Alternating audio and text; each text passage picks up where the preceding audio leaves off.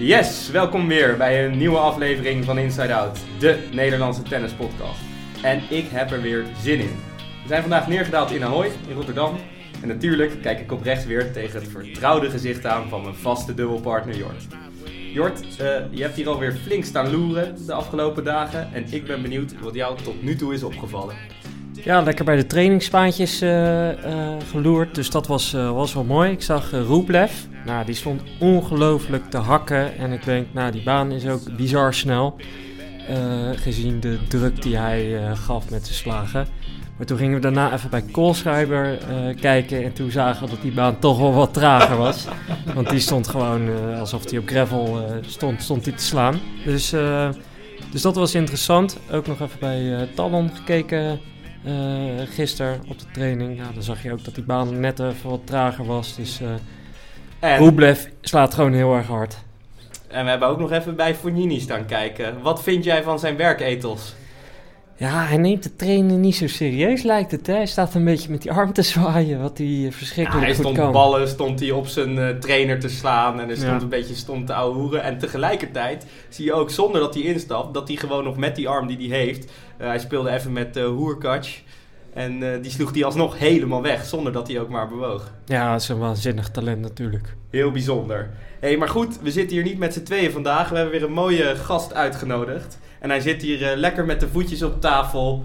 In de hand een glaasje bier, net zoals wij dat hebben gedaan. Ontspannen maandagavondje. Uh, Jan Kooijman, welkom in de show. Ja, dankjewel jongens. Inderdaad, ontspannen begin sowieso. Hey, en vertel eens even, Jan, uh, even kort. Waar zouden we jou van kunnen kennen? Oh jemig, moet ik mijn eigen cv gaan opleveren? ja, even een klein, um, een klein beetje. Uh, waar zou je me van kunnen kennen? Nou ja, ik werk uh, al een jaar of elf inmiddels als acteur en televisiemaker in Nederland. Uh, veel films en series gespeeld. maakte voorheen televisie voor RTL en inmiddels alweer een jaar of vier voor de NPO. Um, een van mijn laatste programma's was Hij is en Zij. Een programma dat ik maak over mensen die transgender zijn. En heb onlangs toevallig nog over tennis gesproken. Uh, een film gedraaid die in september in de bioscoop gaat draaien naar een boek van de vrouw van Richard Krajcek, Daphne Dekkers alles is zoals het zou moeten zijn. je ziet dat Jan heel erg zijn best doet om linkjes met tennis... Ja, ik probeer uh, meteen mijn eigen cv om te buigen naar het echte onderwerp waar ik hier voor zit. Het is super ongemakkelijk om hier mijn eigen cv op te leveren. Ja, dat snap ik. ja, vraag je aan me. Weet je, het was voor ons ook ongemakkelijk om al een beetje door te laten schemeren dat we Jan Kooijman in de podcast hebben. En het enige antwoord wat we krijgen is, hoezo, spreken jullie niet genoeg vrouwelijk publiek aan? Wie zeiden dat? Jullie vrienden in de ja. appgroep. ja, precies. precies dat soort dingen. Maar uh, ja, daar zitten we natuurlijk niet voor, Jan. Um, want jij hebt gewoon een hele serieuze rol hier op het ABN AMRO tennistoernooi. Nou, vooral een heel eervolle rol, vind ik. Ik ben uh, nu voor de derde keer op rij ambassadeur van het ABN AMRO World Tennis Tournament. Wat ik ontzettend leuk vind, want nou ja, dat weten jullie misschien wel, misschien een aantal van jullie luisteraars nog niet. Maar ik ben een hele grote tennisfan en ook al best wel een poos. En um, dat, dat wisten ze vanuit het toernooi. En ik ben ook nog eens Rotterdammer. Dus ik ben hier geboren en getogen en ik zat hier, uh, ik weet het nog goed, de eerste keer dat ik hier zat was het volgens mij, uh, ik denk 96 of 97 en toen kwam Patrick Rafter spelen. Dat was de eerste en enige keer dat hij hier in Ahoy zou aantreden. En ik was groot, groot Rafter-fan vroeger. Ja, je hebt ook geprobeerd zijn kapsel Ik ben nu zijn kapsel aan het nabootsen. Sterk nog, ik heb een elastiekje in mijn zak, zodat ik dat Dan ben je Rafter Patrick staartje Rafter. hier kan maken. Ja, nee, maar haar is nu heel lang voor een productie voor een uh, serie die ik ga draaien aan het einde van het jaar. Dus het moet nog veel langer worden. Maar uh, ja, nee, groot fan, dus vroeger al. En um, toen vroegen ze mij een aantal jaar geleden, omdat ik hier en daar in, in media-uitingen wel eens had laten weten dat ik een groot tennisfan ben. Eigenlijk is mijn hele Twitter-feed is eigenlijk alleen nog maar tennis. Is het is alleen maar tennis-minded.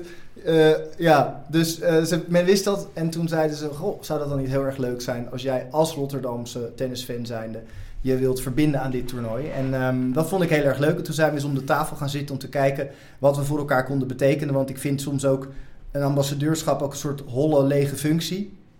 Wat meer een soort titel is dan dat het ook daadwerkelijk iets betekent. En uh, ik had wel bepaalde ideeën over hoe ik dat dan wilde vormgeven. En uh, nou, toen kwamen we eigenlijk al heel gauw uit op, uh, op een beetje hetzelfde idee. En, en dat doen we nu al voor het derde jaar op rij. Ik vind het onwijs leuk. Leuk man. En, en hoe ben je dan eigenlijk in dat tennis gerold? Nou, dat is eigenlijk... Um, ik Ik was denk een jaar of 13 of 14 en toen deed mijn broer eindexamen.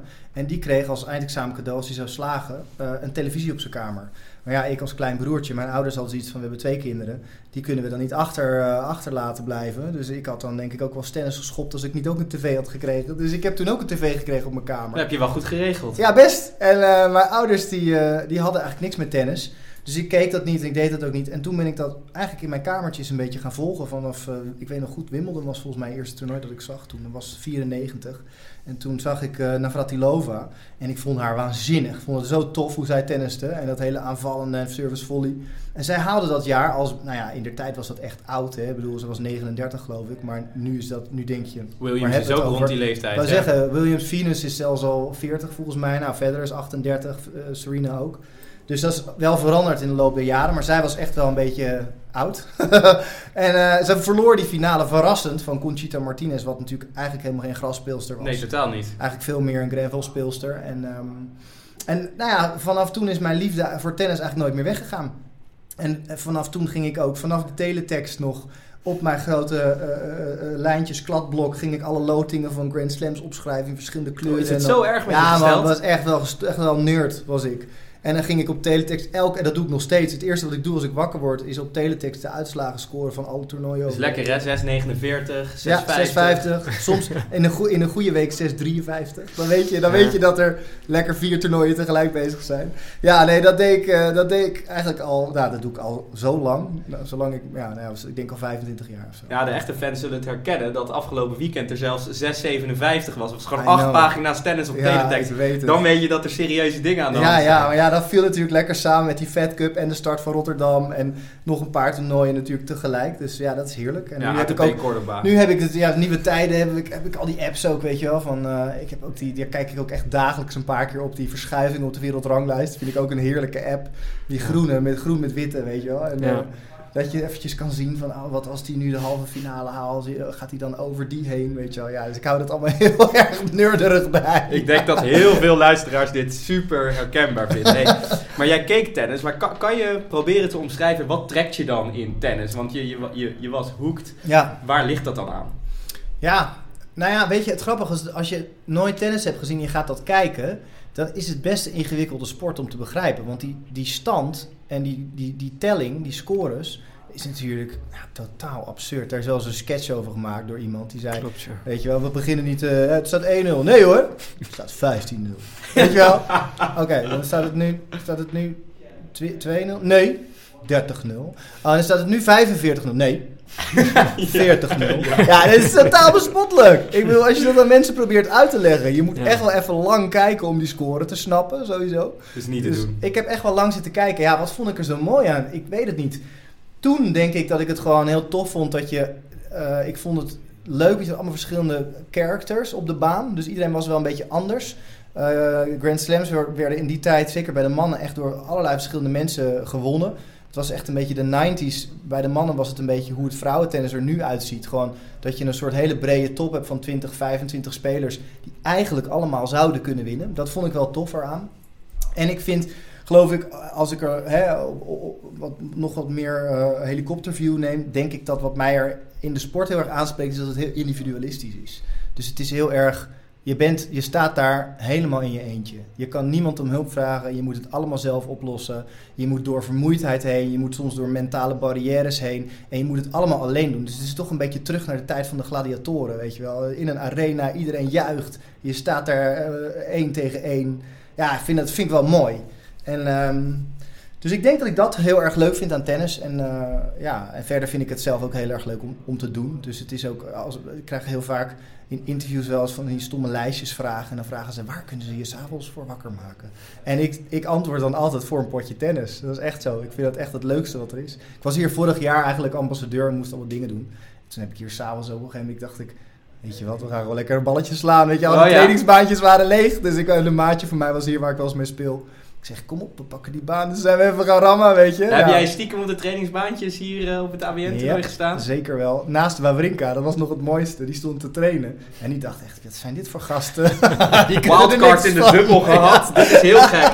Nee, het mooie was nog, dat was helemaal blij maakte. Want die vriend van mij die had een soort Instagram filmpje gemaakt zo van Wawrinka naar mij. En toen had Wawrinka had hij getagd. En die had dat bekeken. En hij was helemaal blij. Maar hij heeft op mijn post gezien. Ja, dat was wel mooi. Dus super, Oh. super fangirling eigenlijk. Maar, eh, Wat heerlijk zeg.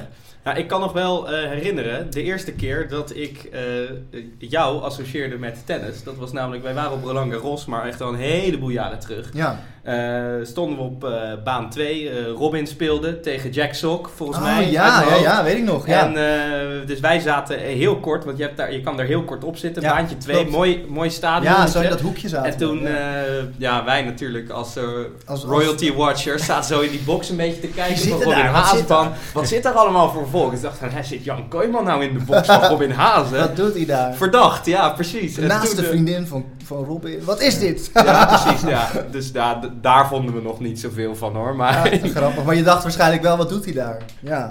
ja, dus eh, daar ben ik ook wel benieuwd naar. Nou, ik was mee toen. Dat weet ik nog heel goed. was heel leuk. Ik eh, ben eigenlijk al een jaar of elf bevriend met Robin. En ehm, dat is grappig gelopen via een gemeenschappelijke kennis. Die ging trouwen. En eh, wij, wij, ja, wij raakten aan de praat daar. En ik wist wie hij was. En ik weet helemaal niet eens eigenlijk of hij wel wist wie ik was op dat moment. Ik was volgens mij net ook een beetje dingen voor tv aan het doen. Maar ja, ik was zo'n tennisfan. Dus ik dacht, ik sta hier met Robin Haas. Dat vond ik wel vet. Ah, en toen eigenlijk heel lang staan kletsen en was super gezellig. En toen hebben we daarna een keertje gewoon afgesproken om te eten. En ook met, met hij was toen net met Kim volgens mij, met zijn vriendin. En toen zijn we een hapje gaan eten. Nou, gewoon eigenlijk gewoon leuk bevriend geraakt. En nou ja, in de, in de loop der jaren ben ik dus wel ook een paar keertjes mee geweest inderdaad met Robin. eh, naar, eh, inderdaad een paar keer naar Roland Garros. En hier natuurlijk in Rotterdam vaak komen kijken. Ook voordat ik hier zelf een soort rol kreeg. En ehm, ja, dus zodoende eigenlijk. Spreek je Robin nog een beetje hier zo nu in Ja, het ja, zeker. Ja, zeker, zeker. Ik heb, eh, spreek hem best veel. Maar ook, ik bedoel, wij hebben best wel veel, ook als hij gewoon op reis is en zo. En we, ja, we zijn wel gewoon echt wel maatjes. Dus eh, je houdt elkaar een beetje op de hoogte wat er speelt. En ja, dat is gewoon hartstikke leuk. Doe je dan hier nog wat eh, speciaals of mag je hem dan ook eh, voor de camera halen? Hoe nou, we gaan dat? morgen waarschijnlijk wel iets leuks draaien met hem. Ehm, omdat hij speelt natuurlijk tegen Coffin overmorgen. Dus, eh, en we hadden vandaag, hij speelt vandaag zijn dubbel met Fognini samen. Dus ik had even zitten kijken en toen dacht ik... Ik ben steeds een beetje aan het zoeken, want eigenlijk in binnen het ambassadeurschap is eigenlijk mijn belangrijkste rol, vind ik, om een soort van content te maken eh, vanuit het toernooi. Dus op de social kanalen vooral, dat soms veel gedeeld wordt. eh, om eigenlijk te zorgen dat die spelers ik, ik wil die spelers een beetje op een voetstuk zetten. Weet je wel? Dus ik vind het leuk om iets leuks te maken met die gasten. In plaats van weer eenzelfde vraag over een verloren wedstrijd van drie maanden geleden. Of eh, hoe, wat verwacht je van het toernooi? Ja, dat krijg je gewoon een soort heel, heel saai eh, riedeltje. Wat die gasten elke week moeten geven. En ik probeer ze ook allemaal steeds van tevoren uit te leggen. Joh, luister, ik ben hier niet om een soort eh, jou aan de tand te voelen als sportjournalist. Ik ben ambassadeur van het toernooi en we willen iets leuks maken met jou. En dat lukt soms heel erg leuk en soms is dat lastiger of gaat dat moeilijker. Maar daar, zo zit ik de hele tijd een beetje te denken aan items van wat kunnen we maken of wat hebben we al gedaan, wat hebben we nog niet gedaan. En wat ik bijvoorbeeld wel fascinerend vind aan tennis is hoe hard die gasten slaan. En dat je dat soms op tv zie je dat bijna niet. Want dan zit je toch een soort computerspelletje te kijken en je neemt het maar voor lief hoe hard dat gaat. Maar op het moment dat mensen live naar een wedstrijd gaan kijken en aan de baan staan, dan zeggen ze bijna allemaal: Wow, wat slaan die gasten hard en precies. En nu stond ik vandaag naast die, eh, naar die wedstrijd te kijken, die dubbel van, eh, van Robin met eh Fognini. En toen dacht ik, ze serveren zo hard. Toen dacht ik, hé, hey, daar kunnen we iets mee, weet je wel. Want die service. Dus nu hebben we iets verzonnen. En ik hoop dat het lukt. Want we moeten kijken of we een baan kunnen regelen. Want dat is nog een heel gedoe met al die spelers die hier natuurlijk willen trainen. Die willen gewoon trainen. Ja, natuurlijk. die banen zeggen, zijn allemaal Ja, Jan Kooijman, dus- leuk idee, maar ik moet gewoon even trainen. Ik moet morgen serieus Dus spelen. wij moeten best wel een beetje dealen met dat soort uitdagingen. Wat ook logisch is hoor trouwens. Maar... En je hebt geluk dat Van Vrink heeft afgezegd. Anders zegt hij, ja gozer, jij stond vorig jaar Ja, al op die baan. heeft mij eh, illegaal gefilmd. hij, hij was het. En dan wijst hij naar me en dan word ik eruit gegooid. Nee, maar eh, dus nu hadden we een ideetje om met Robin eigenlijk te kijken of ik in staat ben om een service, dat hij tien keer serveert naar mij. En om te kijken of ik in staat ben om hem één keer zeg maar in het veld terug te brengen. Wat ik denk dat niet gaat lukken. Kan je een beetje tennissen? Ik Heb kan wel een beetje opgepakt? tennissen. Ja, ik kan wel een beetje tennissen. Ik, ik hou echt heel erg van tennissen. Ik vind het super leuk. En eh, ja, ik ben niet super goed of zo, maar ik kan wel een balletje slaan. Ik bedoel, ik- weet je, soms zeggen mensen ik kan tennissen. En die hebben dan één keer op vakantie een keer dat gedaan. Het campingtoernooi En dan, ja, en dan staan ze op een baan en dan, dan schieten ze altijd... Wat dat doen vaak mensen die nog nooit getennist hebben. Die, die denken dat het allemaal maar keihard moet. Dus die slaan als eerste die bal het park uit. Dus nee, ik kan echt wel een beetje tennis. Ik vind het heel leuk. En ik tennis ook graag en best wel eh, regelmatig. Dus ehm, ik hoop dat ik wel één service terug. Ik heb een keer met Robin getennist trouwens. En met eh, Kim. Maar ja, toen weet ik natuurlijk niet in hoeverre hij ons heeft gespaard. Eh, Kim is zijn vriendin. En toen gingen we mixen. Dus dat was, dat was hartstikke leuk. Maar ja, toen heeft hij natuurlijk wel eh, een beetje gezorgd dat het potje een beetje leuk bleef. Ja, precies, precies. Snap je? precies. Ja, ja, dus eh, hij heeft niet echt... Ik denk dat hij niet met zijn volle, met zijn volle vaart eh, ging doen. Hey, jij hebt eh, die wedstrijd gezien. Ik ben er wel benieuwd naar. Ik vond het een interessant koppel. Hazen met Fornini. Ja, man. Kennen die jongens elkaar? Of Ja. weet je hoe dit tot stand is gekomen? Want ja, Ja, het is die, toch... eh, die jongens kennen allemaal elkaar, volgens mij. En, en volgens mij werkt het meestal gewoon zo een beetje... Zeker gasten die geen vaste dubbelpartner hebben... en toch een beetje in een toernooi willen komen. Dat ze gewoon checken bij elkaar of ze, of ze kunnen, of ze zin hebben. Ehm, ja, en dan denk ik dat dat ook een beetje eh, gewoon wel gaat op met wie, wie vind je leuke gasten en wie niet. Dus eh, ik denk dat zij wel een klik hebben. En dat zag je ook echt wel terug nu in die wedstrijd. Ik vond het heel leuk om te zien. Ik vond ze Want, allebei... eh, zij wonnen 7-6, 7-6. Ze wonnen. Heb ik eh, op teletext gezien. Tegen Rublev en Gatchanov. Dus dat was, die zijn best, best een geoefend dubbel setje. Dat volgens mij zich gewoon keihard aan het voorbereiden is op de Olympische Spelen. Ik denk dat zij daar echt wel samen willen staan natuurlijk. Want dat zie je natuurlijk in dat dubbel nu heel erg. Dat die gasten allemaal met iemand uit eigen land gaan spelen. Omdat die spelen eraan komen. Maar ehm, nee, ze stonden goed te spelen. En eh Rublev en, en Gatchanov, precies wat je, hoe jullie de, de podcast starten. Die Rublev, die slaat zo hard. Ja. Man, oh man, dat is echt niet normaal. Maar het toffe was, je had heel veel crossrallies. Ik sprak Robin na de wedstrijd, die zei ja. Ja, ik, ik, stond erbij en ik keek ernaar. Want het was echt heel vaak op die adcourt eh Fognini tegen Rublev hakken. En dat vind ik prachtig aan die Fognini om te zien. Die is zo nonchalant. Die staat zo gewoon alsof hij zijn hond aan het uitlaten is. Zo staat hij te tennissen. Die is heel relaxed zo en dan die bal steeds weer terugslaan. Ja, dat was wel fascinerend om te zien. Maar ik vond het wel een leuk duo. Wat wij nog dachten is, wij zagen Fornini gisteren ook wat serveren op de training. Maar ja, weet je, hij, hij, hij ging gewoon niet vol. En Ja. we dachten, nou, als hij zo serveert en Rublev krijgt hem in zijn voorhand en, en Rob staat aan het net, Ja, dan is dan, ben je niet blij. Dat, Nee, dat, dan is dat hij klaar. Ik, ik, ik denk dat die zijn natuurlijk toch wel gewend dat die bal snel naar je toe komt. Ook in een dubbel. Maar toch, als Rublev met zijn voorhand klaar staat, Ja, dan weet ja. ik niet of ik lekker zou staan aan het Ja, net. zeker dat. En, en, en zeker ook gezien de start van het jaar dat Rublev heeft gehad. Heeft gewoon twee toernooien achter elkaar gewonnen. Ik geloof dat hij 14, 16 wedstrijden ongeslagen was of zo. Dus ja, dat is wel geduchte tegenstander. En het was bovendien ook nog een interessante wedstrijd. Omdat Gatchanov natuurlijk tegen Fognini moet in de eerste ronde straks. Dus het was een soort voorbereiding. Dus daar was ik ook wel nieuwsgierig naar. Maar wat mij het meeste opviel aan die wedstrijd... was gewoon het- lossen van het, het partnership eh Fognini-Hazen. Ze lachten veel, ze maakten grapjes met elkaar, ze gunden elkaar dingen. Als een fout sloeg, dan was er geen irritatie. eh. Nee, het zag er relaxed en leuk uit. En toen dacht ik, ja, dit is denk ik wel heel goed voor die gasten. Gewoon als voorbereiding op hun eerste, eerste eh, singlewedstrijd. En hoe, eh, hoe hebben ze die wedstrijd gewonnen, denk je? 7-6, 7-6, veel breaks, weinig breaks. eh, waren die tiebreaks ik heb hem niet dicht? Helemaal gezien. niet. De tiebreak was spannend. Die tweede tiebreak was zeker spannend. was ook setpoint voor Gatchanov en Rublev. Robin blesseerde zich nog bijna. Althans, er gebeurde iets aan het net... waardoor zijn, zijn knie volgens mij een beetje op slot klapte. Maar dat ging gelijk ook weer over, gelukkig. Ehm, maar ja, het was nipt. Het was spannend. En die eerste set eigenlijk ook. waren een paar breaks over en weer. Volgens mij hadden in de eerste set Gatchanov en Rublev ook een setpoint. Die werkten ze weg. Dus ze hebben best wel, ja, ook wel onder druk wel goed gepresteerd. En eh, ja, ik ben benieuwd. Ik, weet, ik heb nog niet gekeken tegen wie ze nu moeten eigenlijk in het schema. Maar ehm, Weet ik ook niet uit mijn hoofd. Maar het is, eh, Oh. weet je, dat is wel een wedstrijd waar ik prima zou gaan kijken even, denk ik ook. Nou, dat zag je, die Hazen za- met Fognini. absoluut. En die, die, dat is koord 1 is dat. Ehm, en dat is een leuk baantje. Maar die zat helemaal vol. Aan het einde van die tweede set zat echt helemaal vol. Er kon niemand meer bij. En eh, dan zie je toch... eh, ja, dat zijn natuurlijk ook... Oh, is ook wel een, een topper. Heeft Parijs twee jaar geleden gewonnen, geloof ik. Masters toernooi. En... nou ja, Fognini vorig jaar Monte Carlo, dus eh, mensen kennen ze wel. En dat is, ja, zeker voor die dubbelpartij is dat natuurlijk wel extra leuk. Dat je eigenlijk heb je gewoon vier singelaars staan die daar een dubbeltje aan het spelen zijn. Ja. En het is wel leuk op die baan 1 dat je er echt kort op zit. Ja. Op, de- op het centercourt zit je toch ja, redelijk Zeker. ver vanaf. Ja, en zeker, op baan ja. 1, nou, als je er kort achter zit, zie je echt hoe snel het gaat. En dan moet je ook nog tof. opletten dat je geen eh, service eh, Ja, ja gezicht ik krijgt. moest nog even ballen jongens spelen. Ik moest even een bal zo vangen. Zo. Hop. Toen Ja. zei een hele oude meneer achter me. Oeh, scherp, scherp. Toen dacht ik, oh yes. Deze jongen is scherp, dacht je. Ja, ja, ja. dat is hartstikke goed. moest dus weten. En weet jij of, eh, eh, bijvoorbeeld Robin, hè, ik bedoel, dit is een beetje zijn thuistoernooi, hij komt Mhm. uit Den Haag. Eh, slaapt hij dan hier in de buurt? Hij woont hier, hè? eh, Hij woont in Rotterdam. Robin woont in Rotterdam. Oh, dat wist ik helemaal Of tenminste, Kim woont in Rotterdam. Dus eh, Ah, hij slaapt hier. Robin woont, woont, nog, woont natuurlijk nog in België. Maar Kim heeft een huisje hier. Dus hij slaapt gewoon hier bij haar.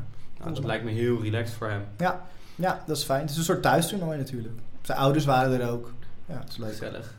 Even terug naar eh, jouw ambassadeurschap. Ja. Wat wij natuurlijk leuk vinden, kijk, je hebt eh, zeker dit jaar heb je een super breed veld. Ja. Echt wel veel toppers. En jij mag een beetje met ze eh ouwe hoeren. Ja. En, eh, en, en, en dat doe je dus ook echt. Dus leer je ze ook wat beter kennen. Zijn wij best wel benieuwd wat jouw indruk is van een aantal spelers. Oké, nou, Toevallig. gooi maar, gooi maar op. Ja, nou ja, Ga eerlijk zijn. Heel goed, komt ja, het nee, online? dat, dit, dit gooien we vanavond gewoon meteen online. Ik weet niet of ik dan nog ambassadeur ben. Nee, zo erg een. Tuentje ervoor, tuentje erachter. Het zal een en, beetje eh, diplomatiek zijn. En that's it. Nou, hoeft van ons helemaal niet. Neem nog een grote slok van je bier zoals je nu Mm. doet. Dan komt het wel goed. Ja, ja. Eerst, eh, gisteren liepen wij toevallig even langs. En toen stond je daar in zo'n soort boot. Ja. Stond je daar ook heel grappig te doen. En volgens mij stond je daar met Tsitsipas. Ja, ja maar Tsitsipas is een held. Echt, ik vind van die, van die nieuwe generatie spelers... vind ik Tsitsipas een van de allerleukste. Misschien wel de leukste. Echt. Ik hoop echt dat hij zo ongelooflijk nog veel beter gaat worden. Hij is al geweldig goed. Maar eh, die gast heeft gewoon echt zo'n eh, goede vibe om zich heen. Weet je, het is en een hele goede tennisser. Hij is op de baan gewoon fantastisch. Hij ziet er heel erg goed uit. En hij is gewoon grappig, snap je? En hij heeft allerlei interesses die normale tennissers helemaal niet hebben. Dat vind ik ook altijd leuk als mensen... Ik zie je met je hand... Ja, ik, zit je, ik denk van ja, weet je, je maakt het me heel makkelijk, Jan. Wat dan? Ik, ik wil meer horen. Hij, Oh, ja? is, hij is grappig. Ja, ik Ja, nee, is echt daar nemen grappig. onze luisteraars geen genoegen mee. Dat- Vorig jaar was hij hier en toen, was hij, toen had hij net ehm halve finale Austra- Australian Open gehaald. Dus dat was een beetje zijn doorbraak wel. Hij had natuurlijk eh, Next Gen Finals ook gewonnen het seizoen ervoor. Dus hij was echt opkomend en toen werd hij hier wel een beetje zo gelanceerd als eh, nieuwe grote naam. En eh, toen mocht ik hem spreken en dat werd, ah, ja, dat is een van de leukste items die ik hier in de afgelopen drie jaar gedraaid heb. Dat was gewoon zo leuk en dat kwam gewoon, dat was mede dankzij hem. Kijk, het is wat ik zeg. Ik bedoel, die items die, die we maken, die, die, die maak ik niet. Ja, ik bedoel, ik maak ze omdat ik het leuk vind om te doen, als ik eerlijk ben. Maar ik maak ze ook omdat ik hoop dat we dit soort nieuwe gezichten ook een beetje meer smoel kunnen geven voor mensen die niet zoveel met tennis hebben. Weet je, als jij op straat hier in Rotterdam over de lijnbaan gaat lopen en je vraagt mensen naar tennis, dan zeggen ze of Federer of Nadal. Ik denk zelfs dat Djokovic is echt zelfs nog een end verwijderd. Echt bij, bij eh, eh, Piet en Tony die je tegenkomt op de lijnbaan. En ehm, dat is, is jammer, want zoals precies wat je zegt, zo- zo'n toernooi als dit heeft een waanzinnig veld, onwijs eh, breed, super toffe spelers, maar wel voor tennisfans. Weet je, dus om echt de grote massa te bereiken, ja, dan zeggen mensen als Tsitsipas of Medvedev ze nog niet zoveel. En ik vind het dan leuk om te kijken of we dingetjes kunnen verzinnen en die gasten een beetje neer kunnen zetten, zodat je kan zien dat ze ook gewoon leuk zijn, grappig zijn of niet, of maar in ieder geval dat er iets gebeurt en dat gewone mensen denken, hé, hey, dat is toch wel een leuke gast. En dat heeft ook met hun resultaten te maken. Ze moeten natuurlijk ook gewoon gaan winnen. Op het moment dat ze echt grote toernooien gaan winnen, gaan meer mensen ze kennen. Nee, natuurlijk. Maar dit soort dingen helpen daar denk ik wel een beetje aan mee. En dan is het gewoon heel tof, zoals vorig jaar met Tsitsipas. Ja, dat was gewoon eh, geniaal, weet je wel. En dat hij op het eind zei, hij, eh, hij sloot af en toen waren we eigenlijk klaar.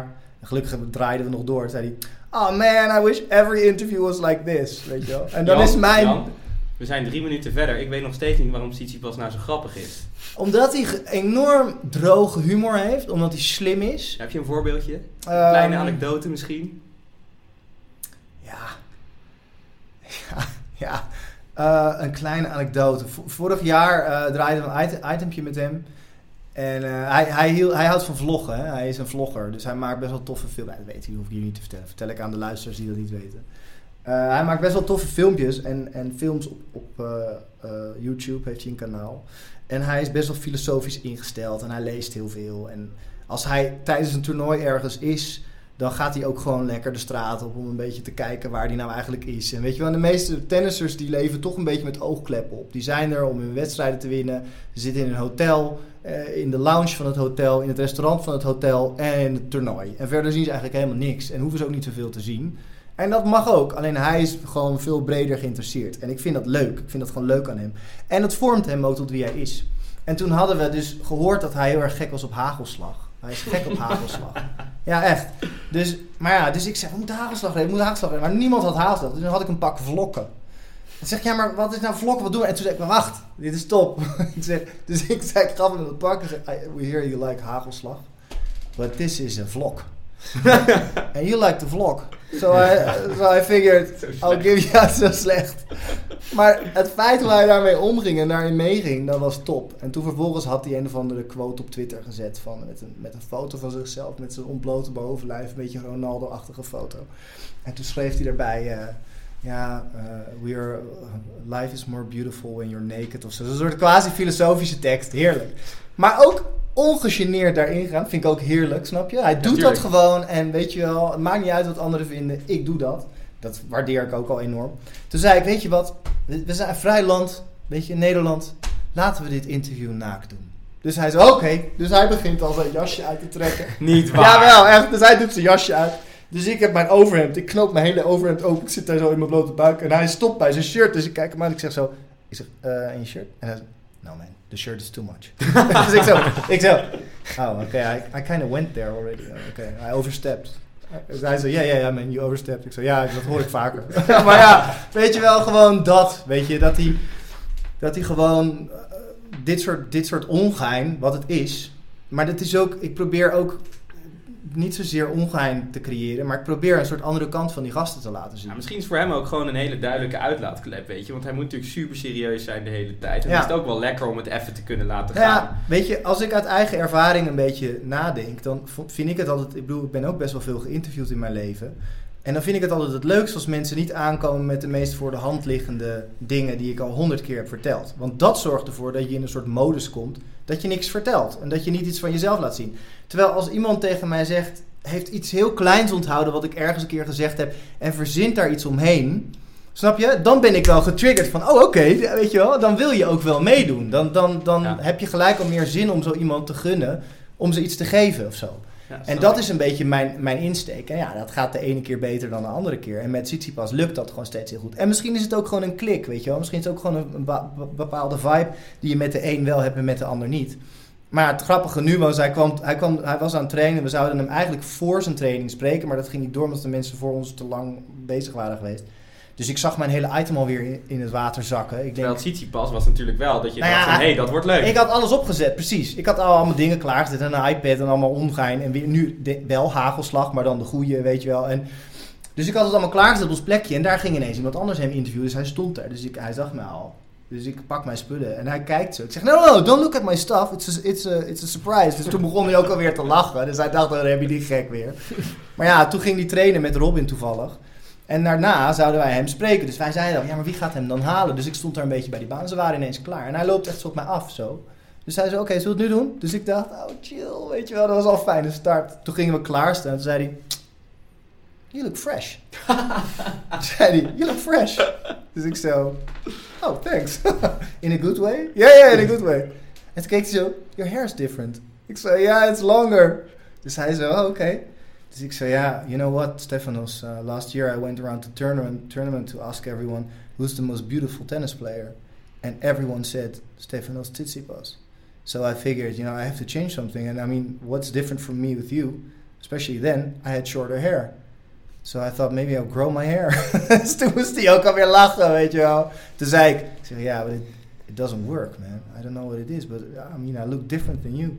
Hij zei, ja, I look better, zei hij. ah, heerlijk toch? Ik hou daar echt van. Oh, dat is heel goed. Maar ja, en die droge onderkoeld. Ik liet het thuis in zo'n ruwe versie even thuis zien. En mijn vriendin die zei van, hij is zo droog, hij is zo koeltjes, maar daardoor zo grappig. Nou ja, dat, dat vind ik dus grappig. En toen, toen ik langsliep, toen ging het op een gegeven moment volgens mij over het Songfestival. Ja, we hebben het nog over het Songfestival gehad. Heerlijk, ja, dat is hier natuurlijk in Ahoy. En het grappige is dat uh, degene die uitkomt voor Griekenland, dat is een Nederlands meisje, Stefania half Nederlands, half Grieks. En zij gaat uh, voor Griekenland uh, het Songfestival doen hier. En hij wist dat, dus dat was ook wel weer heel grappig. Dus. En toen vertelde hij dus ook zo open en leuk gewoon van dat hij vroeger heel erg fan was van het Songfestival. Dat hij altijd keek. Hij wist in welke week het viel in de ATP-kalender. Hij zei, ja, dat is volgens mij in de week van Rome is het Songfestival. Dat soort dingen. Dat ja, dat is bizar. Dat is toch tof? Ik ja, vind dat, dat vind ik echt leuk, weet je wel. En dat maakt hem...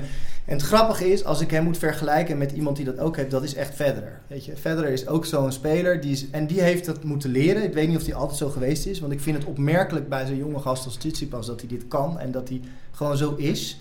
Want hij is heel ongegeneerd gewoon prima met wie hij is en met, met wat hij is, weet je wel. En dat vind ik tof. En, en Federer is gewoon ook zo'n pro daarin, die, die weet je ook als, als maker of als interviewer gewoon op je gemak te stellen, weet je wel gaat mee in een geintje, weet je wel. Is niet te lullig om iets te doen waar je van zegt van zou je dit willen doen, wat iets extra's eigenlijk een beetje gekkigs is.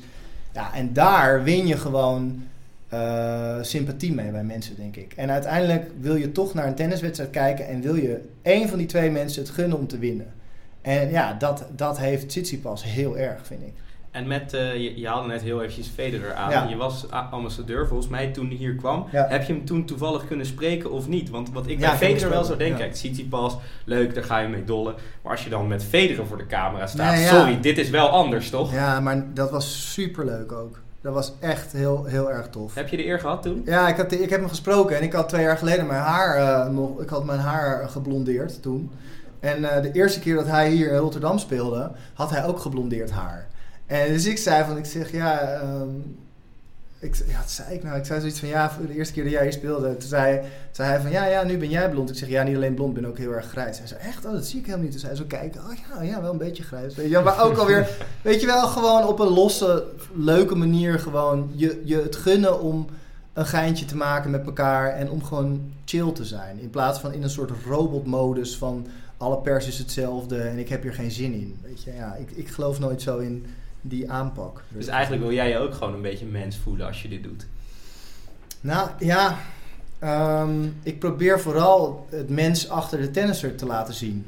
Maar dan moet je me wel de kans gunnen om dat te proberen, weet je. En als je gelijk al een deur, deur dicht slaat, ja, dan is het heel snel klaar. Dan is het hele, dan is je hele... En dan krijg je dus, krijg je ook prima items. Alleen dat is super saai. Dan krijg je iets wat je al honderd keer ergens anders gezien hebt. Dan gaat het weer over de backhand en de forehand. Ja, en, of eh, over ja, vorig jaar was geweldig, want ik had Ja. nooit verwacht dat ik het zo goed zou doen. En dit jaar hoop ik dat het net zo goed zal gaan. Maar ja, je weet het nooit, want iedereen is zo goed en ik moet gewoon goed blijven werken en blijven trainen. Ja, hij is ook gewoon een, ook gewoon een talent natuurlijk wat een Tsitsipas duidelijk heeft. Dat hij zo om kan gaan met, eh, met pers. Kan Ja, het is heel knap en ik vind het nog knapper omdat het je misschien...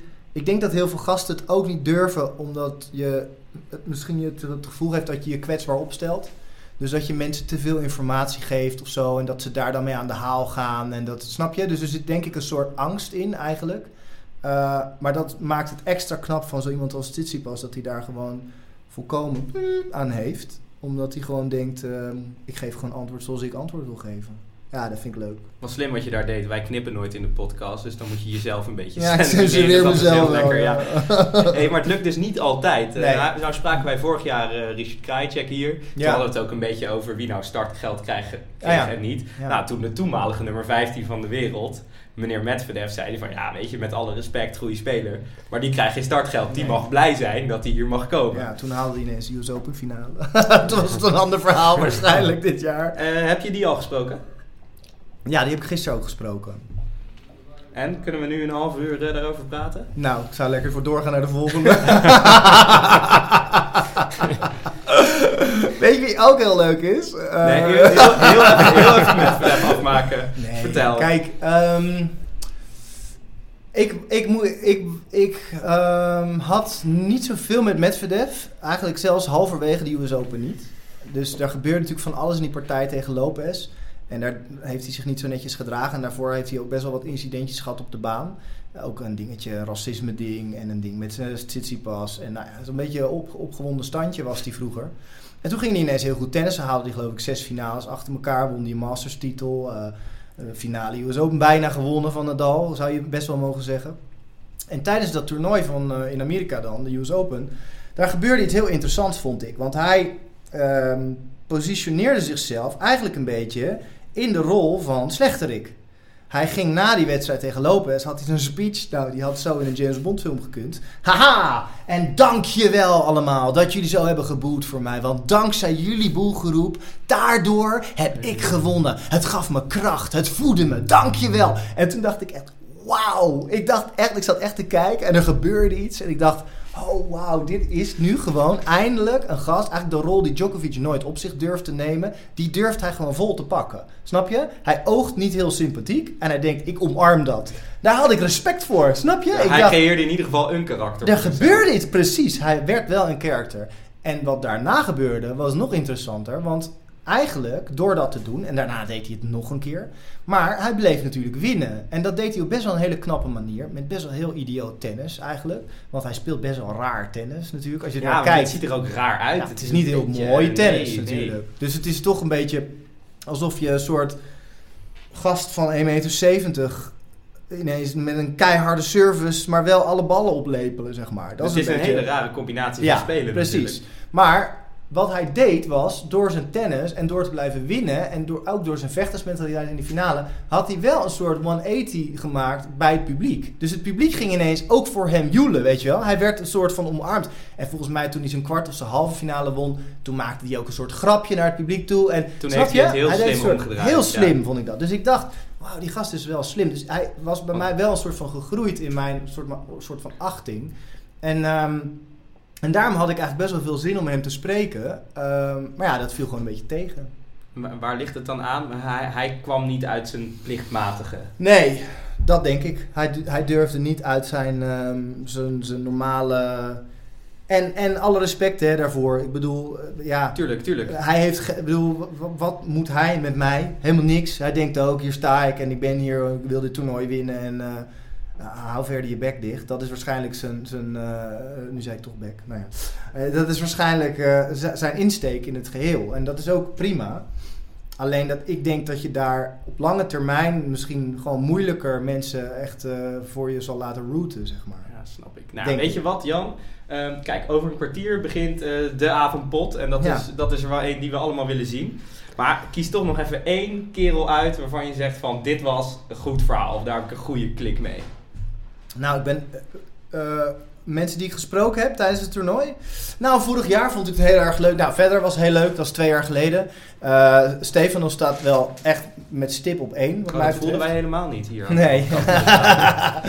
nou, ik, heb, ik ben heel erg gek op Kim Kleisters. Zij is echt heel tof. En ik ben heel benieuwd naar haar comeback dit jaar. Eh, maar die heb ik nooit eh, voor werk gesproken. Dat is meer gewoon iemand met wie ik het heel goed kan vinden. Maar wat betreft interviews vond ik bijvoorbeeld vorig jaar... Dat vond ik verrassend leuk. Kei Nishikori. Vond ik eigenlijk heel erg leuk. Ja, Omdat dat zou ik het ook niet is verwachten. ook niet iemand met een heel duidelijk profiel. Is natuurlijk ook... Namelijk is in Azië wel, overigens. Daar is hij een soort een wereldster. superster, ja, toch? dus het is ook gewoon een cultureel ding dat wij misschien hè, daar gewoon iets minder, dat dat zo ver afstaat van onze cultuur, dat we dat minder goed begrijpen. Maar die gast was zo vriendelijk, snap je? En zo leuk en open. En die, die, ik zei van, weet je wat, misschien moeten we je even voorbereiden dat je wat Nederlands kan zeggen. Dat je als je gewonnen hebt, dat je even het publiek kan bedanken. En dan ging hij dat proberen, maar echt proberen. En dat klonk nergens naar. En weer proberen, weet je wel. Ja, en dat werd, dat werd super leuk, weet je. Dus die, ja, die, die, die verraste mij heel erg. En eh, ja, dat vond ik ook wel eigenlijk een heel leuk gesprek.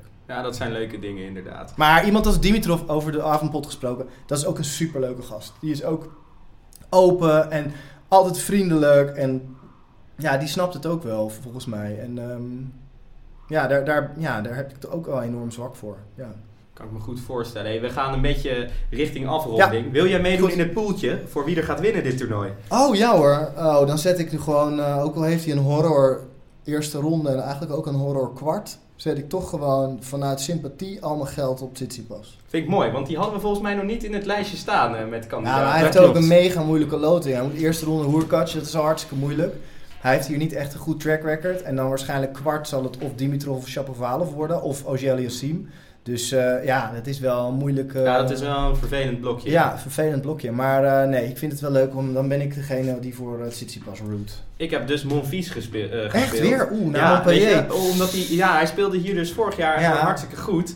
En, eh, en überhaupt doet hij dat vaak goed, hè? Dat hij eh, Montpellier... Weet je, Ja, achter elkaar, als hij in wint hij weer eh, Montpellier. Ja, maar ja, ja. goed, je weet ook dat hij heeft gewoon wel veel gespeeld.